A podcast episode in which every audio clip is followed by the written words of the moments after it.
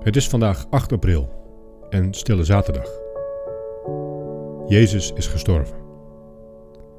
Hoe gaat en moet het nu verder? Dat is de vraag van de Fariseeën, de leerlingen, de vrouwen. Ieder reageert op zijn eigen manier, laat die ons zien. De dagtekst is Matthäus 27, vers 62 tot 66. Als tiener had ik een krantenwijk. Ik bezorgde de ochtendkrant.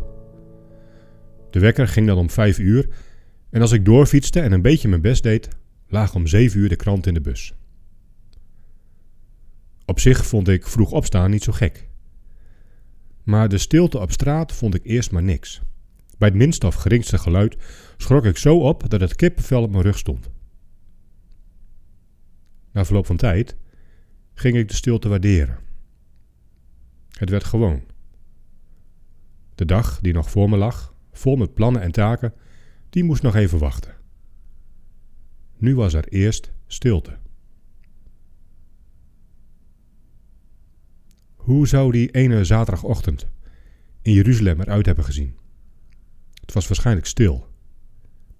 Niemand die een ochtendkrant rondbracht. Het was Sabbat, de rustdag. Dus mensen waren binnen in huis en hielden rust. De fariseeën, trouwe wetsdienaars, zij houden de Sabbat natuurlijk in ere. Maar ze zitten er niet helemaal lekker bij. Jezus is dan wel gekruisigd, maar hij bleef toen hij nog leefde maar zeggen dat hij op de derde dag zou opstaan. De fariseeën vinden het godslastering, maar zijn toch ongerust. Jezus' leerlingen zijn fanatiekelingen. Misschien halen zij het wel in hun hoofd om het lichaam weg te halen. Dan kunnen ze de mensen zeggen: Zie wel, Jezus had gelijk. De Fariseeën walgen van zulke leugens. Maar ze vinden het wel zo ernstig dat ze beslissen de sabbat te verbreken. Ze gaan even bij Pilatus langs. Ze overtuigen hem ervan het graf te laten verzegelen. De discipelen ondertussen. Hoe zitten die erbij? Ik denk dat ze zich verslagen voelen. Hun koning is gestorven aan een kruis. Ik stel me zo voor dat sommigen geen behoefte hebben aan een gesprek. Die liever even niks zeggen, even niets horen. Er zijn vast ook enkele die in de actiemodus schieten. Die willen het oplossen ze spelen met het idee om het heft in eigen handen te nemen. Jezus had toch gezegd dat hij zou opstaan? Laten we zijn lichaam uit het graf halen en hem op een andere plek begraven. Misschien dat er dan meer mensen zijn die Jezus als hun Heer en Meester gaan volgen. Maar uiteindelijk doen ze niets. Sterker nog, we lezen in de Bijbel dat ze de Sabbat in ere houden. Ze hebben een maaltijd met elkaar ze bidden samen en ze zingen misschien die oude woorden van David. Ik zie uit naar de Heer. Mijn ziel ziet uit naar Hem en verlangt naar Zijn woord. Mijn ziel verlangt naar de Heer, meer dan wachters uitzien naar de morgen.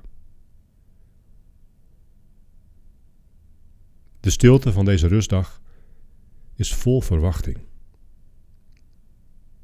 De stilte is volgens mij ook een uitnodiging. Een uitnodiging om ons bij Jezus aan te sluiten.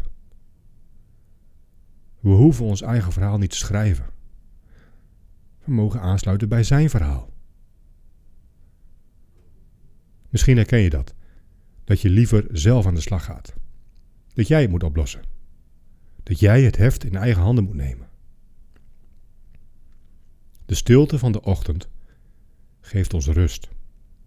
We hoeven het niet zelf te doen. Eh, en daarmee worden we geen passieve mensen, maar mensen die het van God verwachten.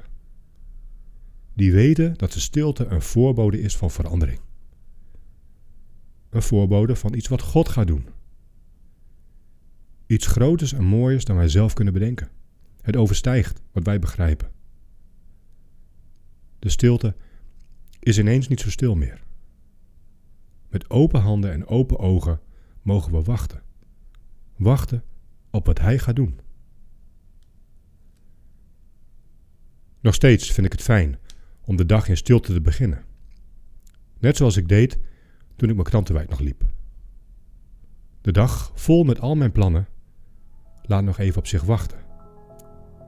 Ik geniet bewust van de stilte.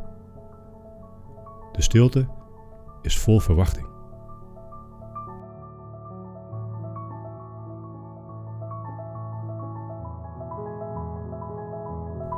Leuk dat je luistert naar 40 dagen hier en nu.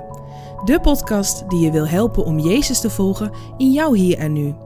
Deze podcast is een initiatief van Verre Naasten, Lume, LPB Media en Kerkpunt. Wil je meer weten over deze podcastserie? Ga naar 40dagenhierennu.nl.